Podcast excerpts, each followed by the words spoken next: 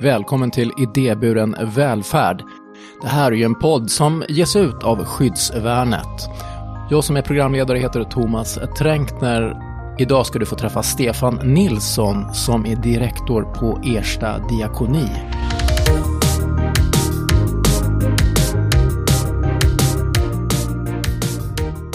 Han är med mig, hej! Hej hej! Ersta diakoni, det är ju Sveriges största aktör inom den idéburna sektorn. Ja, eh, det är vi. Om man, om man ser till omsättning och, och liksom så här lite torra siffror, omsättning och antal anställda, så är vi det största. Vad kul att du är med ja, här jättekul. i podden. Du har kommit till eh, Skyddsvärnets lokaler här på Hornsgatan. Men ni håller ju till också på Söder. Precis, Verkligen. det var en kort resa för mig. Eh, vår, mycket av vår verksamhet och vårt vår, liksom, huvudkontor, om man använder uttrycket, är ju på Erstagatan eh, som ligger på, också på Södermalm. Eh, om man inte är stockholmare, så om man står på Skeppsholmen eller Gröna Lund och tittar rakt över, då ser man Ersta diakoni. Det är ett fantastiskt läge måste man ju säga. Absolut, och, och, jag hade gäster senast igår som aldrig hade varit där. Eh, som eh, tyckte att det var Stockholms eh, vackraste utsikt, eh, om inte Sveriges vackraste utsikt. Så det, det är en förmån att få stå, ut och, titta, stå och titta ut där också på dagarna. Jag sa förut att eh, ni är de största inom eh, den här sektorn i Sverige. Och om vi sätter lite siffror på, hur stora är ni? Eh, vi är ungefär eh, 1500 årsarbetare. Eh, vi betalar ungefär 2000 löner varje månad och omsatte 2022 1,4 miljarder. Och då är det lite grovt, eller väldigt grovt förenklat, fördelat på sociala verksamheter och på sjukvård. Ungefär 50-50. Sen har vi lite fastigheter och lite annat också. Mm. Det här är ju sjukvård som du säger, socialt arbete, utbildning, forskning. Eh, det är väldigt mycket olika. Till, eh, till och med kyrka har ni också förstås. Ja, vi, har, eh, nej men det är, det är en, vi brukar säga att det är en spretig eller mångfacetterad verksamhet. Men det, jag brukar säga också att det ligger i det diakonala uppdraget och diakonala synsättet. Att identifiera vad, vilka behov finns det. Det finns egentligen ingen begränsning, alltså behoven är ju oändliga. Utan det handlar mer om att titta på vad, vad finns det för behov och vad, vad kan vi göra. Så vår, jag brukar säga att vår affärslogik är liksom lite omvänd mot ett företag. Som ju oftast tittar på förutsättningarna först. Eh, så att säga, eh, vad, vad kan man tjäna pengar på eller vad finns det liksom för kundkrets.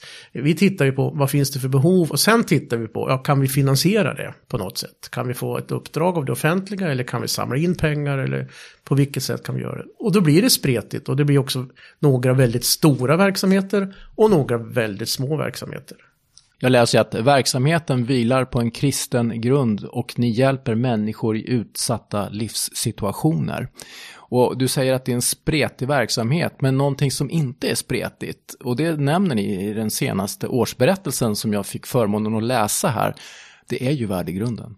Ja, eh, nej men den, den har vi sagt eh, att den ska liksom finnas eh, närvarande och genomsyra allt vi gör. Eh, stort eller smått, eh, långt eller kort så att säga. Eh, mer komplicerat eller enklare verksamhet så ska den ändå finnas där. Eh, för för det, är det, det är det vi gör och vi, vi tänker ju jag är ju präst också, teolog och vi vilar med kristen grund. Så vi tänker också att det här är ju någonting som är givet organisationen. Eh, man brukar liksom tala om att det är uppenbarat eller överlämnat till organisationen att förvalta och ta hand om och utveckla, men aldrig lämna. Eh, och när vi mäter i medarbetarundersökningar till exempel så, så tycker medarbetarna också i väldigt stor utsträckning att det här är någonting som lever, det finns i vardagen. Och, sen kan det ta sig olika uttryck i äldreomsorgen jämfört med på i, operationssalen, i vad som ska säga spetsa till sig. Men, men värdegrunden ska alltid märkas på något sätt i, i det vi gör. Det, det är jätteviktigt för oss. Du blev direktor eh, 2010. Det är 13 år sedan, i varje fall nu när vi spelar in det här våren 2023. Eh, varför tog du det jobbet? Ja, jag hade ett jobb som jag trivdes jättebra med. Jag var kyrkoherde i alltså central, eller eh, en lokal församling i, i Sundsvall. Trivdes jättebra, men fick en förfrågan om att vara med i rekryteringsprocessen. Eh, jag sa till min fru, kom jag ihåg på en gång, att det här är ett drömjobb. Eh, men jag kommer aldrig att få det. eh, men det fick jag. Och det har jag inte ångrat en sekund. Jag brukar säga att jag, jag har trots allt, det, det är världens roligaste jobb och världens eh, konstigaste jobb ibland i en sån organisation.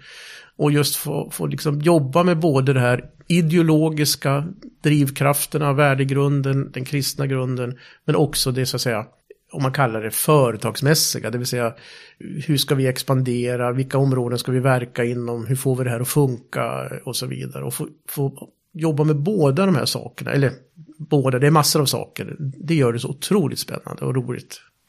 Men det här med, det finns ju era, om man säger konkurrenter eller kollegor i, i den här branschen, det är ju privata aktörer till en väldigt stor grad, kanske till ja, 90, mer 90 procent. Mm. Vad särskiljer eh, er från dem då, egentligen?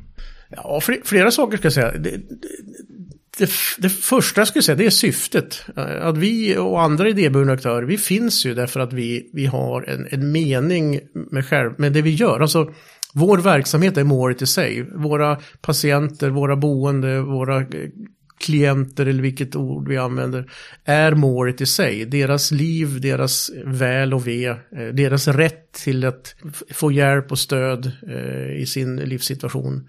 Det är vårt mål. Allt annat med pengar och, och så, det är, det är bara verktyg som vi, som vi behöver. Men, men det är inte meningen med, vårt, med vår verksamhet. Det skiljer oss. Och sen också, den här klassiska diskussionen, eh, vad vi gör med våra överskott. Eh, vi återinvesterar det, vi, vi använder det för att göra ännu mer, ännu bättre. Eller för att forska eller för att utveckla eller vad vi nu gör. Så det skiljer oss också. Så jag skulle säga att det, det är en mycket större skillnad än vad man ibland kan se vid första handen så.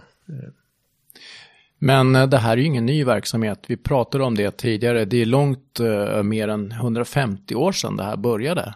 1851 så, så börjar man verksamheten eh, i väldigt liten skala först och sen eh, har den växt och sen har den krympt också ett tag och sen växer den igen nu. Så det är en lång tradition eh, men det är också en, som alla andra sådana här organisationer, också befunnit sig i en ständig utveckling det finns en kärna i idéburna verksamheter och Ersta diakoni eh, som är väldigt fast och central. Men det finns också en otrolig förmåga till anpassning och innovation och att ställa om eh, och lyssna in det omgivande samhället som gör att vi, vi blir så väldigt långsiktiga. Och vår ekonomiska modell gör ju också att vi blir långsiktiga. Jag, tittar ju inte framåt mot nästa kvartalsrapport. Utan jag tittar ju framåt mot nästa eh, 20 eller 30 årsperiod. period. Eh, vad vi vill lämna över till eh, nästa generation. Eller vad Ersta ska finnas också om 150 år helst. Så. Men är det lätt att behålla den här värdegrunden när man har så mycket konkurrens och egentligen kunderna också blir ju myndigheter som som lever under LOU, lagen om offentlig upphandling och så vidare, där mycket av era intäkter kommer ifrån? Nej, det, det är en utmaning, absolut det är det. För att det, jag, jag, brukar säga att det finns några saker jag är rädd för som direktor att bidra till. Det ena är ju liksom att organisationen skulle gå under under min ledning. Men det andra är också det här att vi blir, vi blir så mycket företag och så mycket konkurrensinriktade så att vi blir någon slags light-version av de eh, privata bolagen.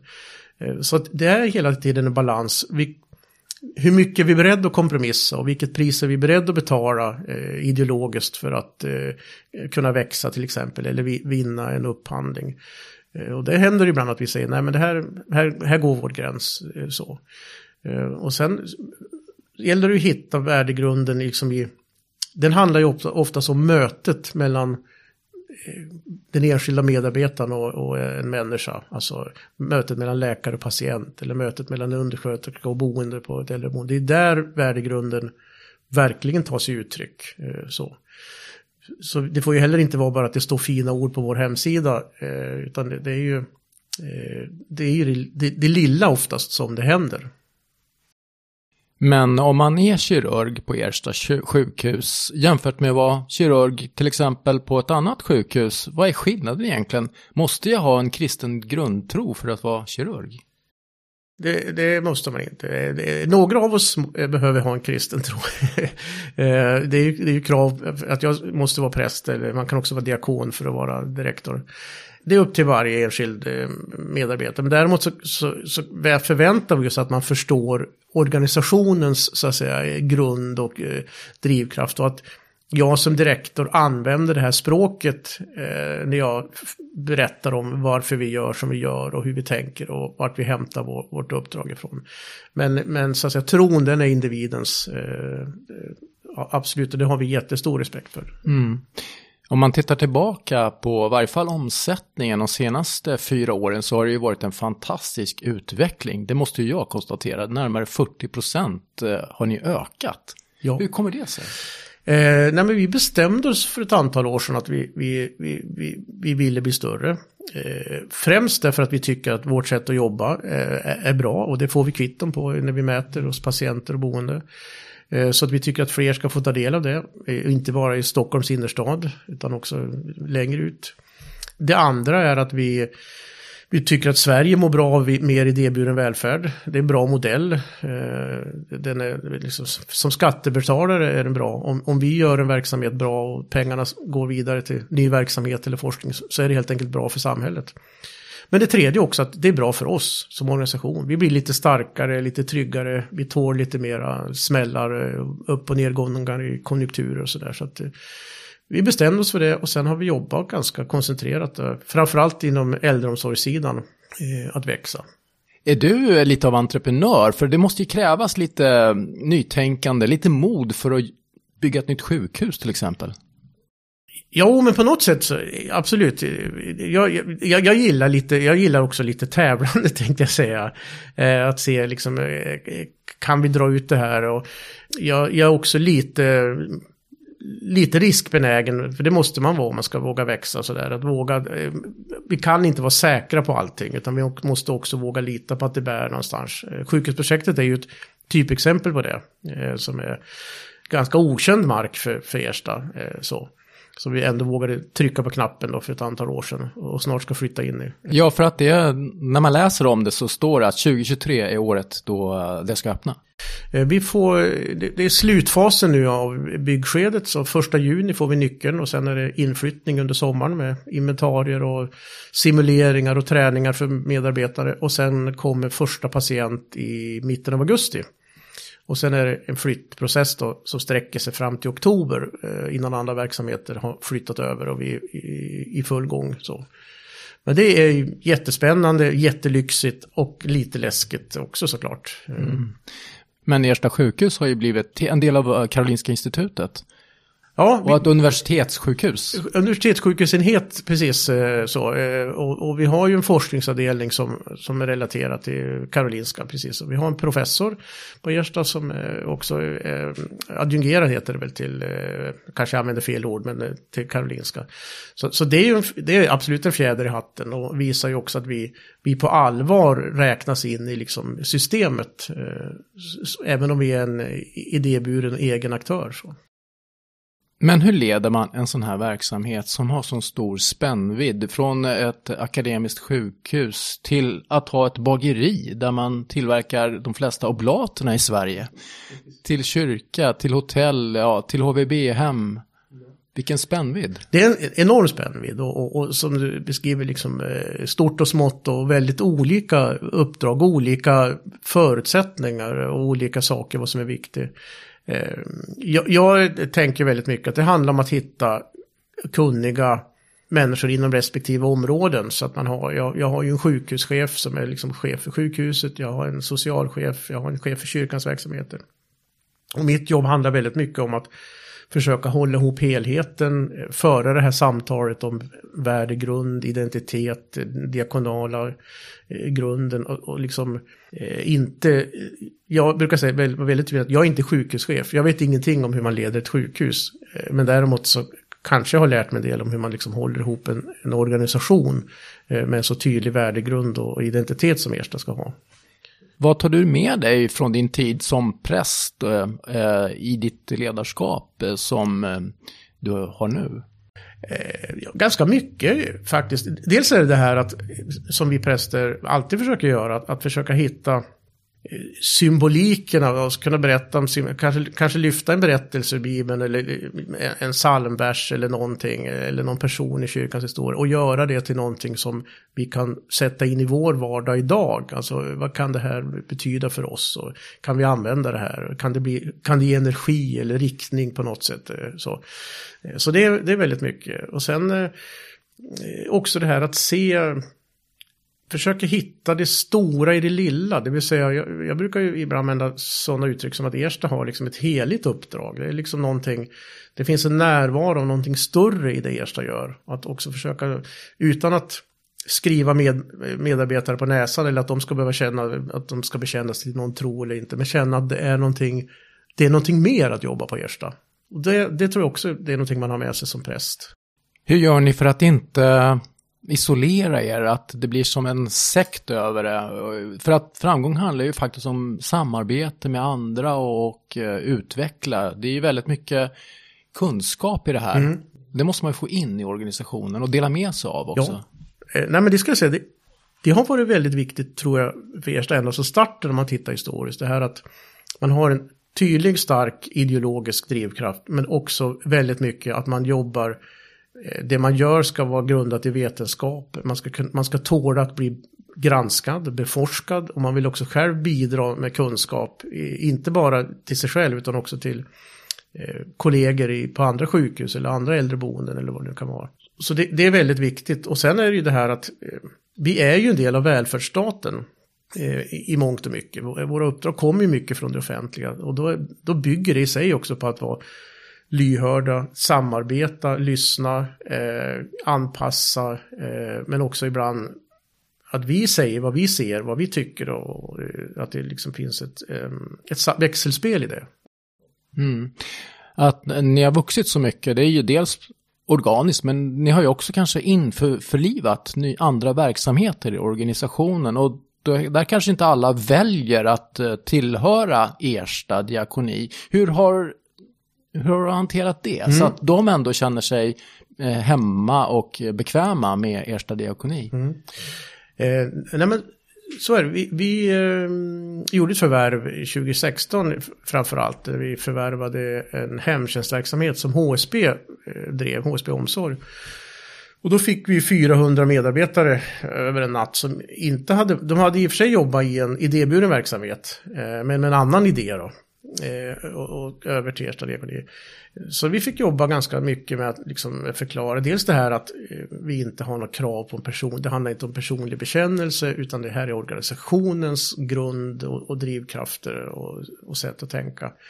Men sen tror jag många gillar det här med att det är idéburet. Eh, man kanske inte fastnar liksom vid just idén, det vill säga att man identifierar sig till 100% med den diakonala idén, eller framförallt inte kanske den kristna idén. Men man gillar det här att det är någonting annat än det privata eller det offentliga. Så där har vi en ingång som funkar eh, på, på, många människor. Mm. Vi har inte sagt det, men du är också ordförande i Famna som är paraplyorganisationen för hela den idéburna sektorn. Och eh, där har ju ni som mål att 2030 ska 10% av vård och omsorg utföras av idéburna organisationer. Mm. Men idag så är det en nivå som är en tredjedel av det. 3% ungefär, ja. ja. Det är ett tufft mål. Och som sagt, där, där tänker Famna också att det är bra för Sverige om det är så. Därför att eh, vår, de idéburnas eh, insatser eh, är viktiga, eh, har hög kvalitet, har den här starka drivkraften, även om drivkraften kan se väldigt olika ut eh, naturligtvis. Men också det här ekonomiska aspekten. Det, det är samhällsekonomiskt bra eh, med, med, våra verksamheter. Eh, och tyvärr har det stått lite still då. Men eh, nu får vi lite hjälp av en ny lag eh, som träder i kraft 1 januari. Eh, så att där kommuner och regioner kan välja att styra upphandlingar bara till idéburet. Så nu hoppas jag att det ska hända lite mer framåt. Ja, för att om vi tittar lite längre söderut i Europa så är ju den här andelen mycket högre. Sverige är avvikande eh, gentemot många länder i västvärlden. Eh, så. Men så otroligt låg del. Till och med våra nordiska grannländer som är ganska lika oss i det här med offentlig välfärd och offentlig finansiering. Har ju betydligt högre. Det är ju 10-15 procent i, i Norge och Danmark. Eh, Tyskland är det betydligt mer. Holland. USA som vi brukar lyfta fram som ett konstigt exempel på välfärd har ju en väldigt hög del idéburna aktörer. Eh, både bland stora sjukhus, universitet och annat. Sen har ju de ett helt annat finansieringssystem. Men utförandet står många så att säga, stiftelser, kyrkor och, och föreningar för. Mm. Ja, eh, du, du pratade vid, i något, något filmklipp som jag såg att eh, i samband med 150-årsjubileumet att det här var de 150 åren och om ytterligare 150 år så kommer vi ha samma värdegrund. Det, det kanske tar sig olika former och om vi ska komma in på lite framtiden, kanske inte 150 år men om vi säger tre år fram i tiden, vad kan man förvänta sig då att eh, läsa och höra om Ersta diakoni? Eh, Jag tror så här om man tittar eh, tre år framåt då har ju vi eh, en betydligt större verksamhet. Eh, jag tror att vi är mer nationellt spridda. Vi har så att säga lämnat Stockholm lite grann, inte lämnat Stockholm men och, och finns också utanför Stockholm. Eh, så det vi skulle vilja då det är att också bedriva både kanske äldreboenden, LSS-verksamhet, kanske också sjukvård i andra kommuner och regioner längre bort. Eh, och inte bara vi utan även ännu fler idéburna aktörer. Eh, så. Men om vi pratar bara Ersta eh, så tror jag det.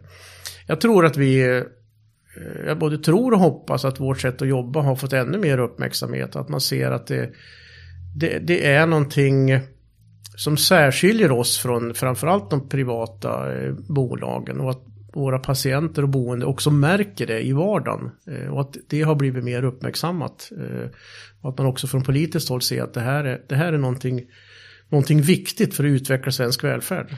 Ja, och det pratade vi om innan här också, att det handlar mycket om eh, att utveckla teknik eh, och vetenskapen, eh, hur man tar hand om människa, hur, hur man eh, hjälper människor. För det är ju också en viktig del i det här. Ja, det, är- det är ju en kun, alltså, kunskaps... Precis som allting annat så, så utvecklas det ju saker. Och, och vi, vi, tack och lov så bedriver vi inte sjukvård på samma sätt idag som vi gjorde 1851. Utan det har hänt enormt mycket kunskapsmässigt som gör att vi, vi, vi kan göra mycket mer. Och, vi, eh, och också inom det sociala området så, så lär, vi lär oss mer och mer om människan. Eh, som gör att vi också kan utveckla våra metoder. Eh, och, och framförallt det här att vi vi, det jag tycker är en positiv utveckling i samhället, eh, sen är det alltid en fråga om resurser, men det är det här att vi, vi ändå tar människor på ett allvar eh, mer än vad man kanske har gjort tidigare. Om man tittar på eh, äldreomsorg eller eh, hur man behandlade barn för hundra år sedan så att säga. Så försöker vi ändå se individen och individens rätt till ett gott liv. Eh, och sen ibland så lyckas vi inte alltid med det, men det är ändå, det är ändå en fråga som det pratas mycket om i samhället och bara det tycker jag är viktigt. Och då kan vi också försöka utifrån det försöka utveckla metoder. Ja, men hur gör vi då för att det här individens rätt till det goda livet ska kunna eh, eh bli verklighet? Mm. Funderar ni också på eh, de här med utsatta livssituationer i framtiden? Vad, vad kan det vara? Vad kan det handla om som inte vi ser idag? Någon, eh, så att man har en spaning på vad man kanske kan förvänta sig och på något sätt kanske ligga ett halvt steg före. Ja. Går- Går det? Det är svårt, men det går. Om, om vi bortser från så att säga, våra stora verksamheter, äldre är alltid en grupp som, som kommer att behöva stöd igen. Men då försöker vi hitta, jag hade ett samtal senast igår med en medarbetare på Ersta, att försöka hitta vilka grupper ser vi idag som så att säga inte eh, fångas upp riktigt av, av välfärdssystemet eh, inom vissa områden. Som kan, kan vara väldigt små grupper. Eh, men också, grupp, och, och också grupper som är väldigt resurskrävande i, i, i sig. De är små men, men varje individ är resurskrävande. Eh, finns det någonting där vi kan göra eh, för att liksom eh, stötta upp och, och hitta ett sammanhang eh, för de människorna?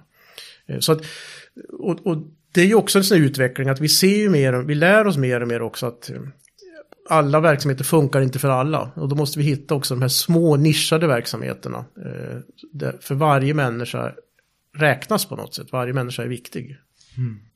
Finns det någon verksamhet som ni kommer fasa ut eller som ni redan nu känner att det här är kanske utanför vad vi eh, vill göra? Inte som vi ser idag, eh, men det har ju hänt historiskt. Eh, vi lämnade ju hemtjänstverksamhet för när jag var ganska ny, ja 2010 var det som vi hade i Stockholm. Helt enkelt därför att förutsättningarna var för dåliga. Eh, så då lämnade vi och då gjordes också förutsättningarna om. Eh, så då kunde vi komma tillbaks med, bättre förutsättningar. Så att det finns ingenting idag, men kan inte vi bedriva en värdig verksamhet, då ska vi heller inte vara där. Det är en ständig diskussion skulle jag säga, eh, om vad, vart går vår gräns helt enkelt. Ja, så här avslutningsvis. Jag går in på erstadiakoni.se och det första jag möts av det är Ersta diakoni vård och omsorg som det borde vara. Och då tänker jag, det kanske inte är så överallt. Eh, det borde, det borde vara mer av det som är på Ersta diakoni. Ja, och vi lyckas inte heller alltid. Men, men, det, men det är det vi strävar efter. Och just den här som det borde vara. Så jag tror att de flesta människor har en känsla för hur det borde vara. Eh, det vill säga, hur borde det vara för äldre? Det, det borde inte vi borde inte ha ett samhälle där människor lever på gatan. Eh, vi borde inte ha ett samhälle där, där inte alla människor har liksom, eh, kan äta sig mätta eller vad det nu kan vara. Det tror jag de flesta är överens om. Sen finns det olika idéer om hur man ska ta sig dit. Men, men just den här känslan av hur det borde vara, den tror jag vi delar på djupet, de allra flesta. Och, och att försöka hitta det det är vad vi, vi vill och, och, vi också tycker att det borde vara överallt eh, naturligtvis.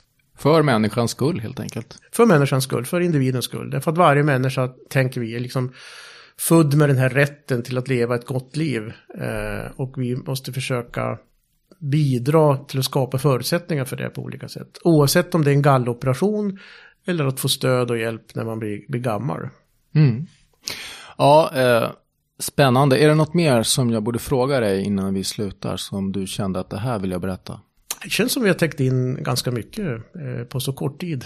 Ja, och du som lyssnar, gå, gör som jag, gå in på erstadiakoni.se för det finns, som vi sa, en otrolig bredd eh, på verksamheten. Du kan gå på konserter och du kan få massa tips på det för dig som jobbar inom äldreomsorgen och så kan man faktiskt sommarjobba hos er också. Mm det har vi. Inte minst. Eh, men vad bra. Tack så hemskt mycket Stefan för att du tog dig tid att vara med i eh, podden ja. Välfärd. Tack för att jag fick komma. Jättekul. Ja. Hej då. Hej då.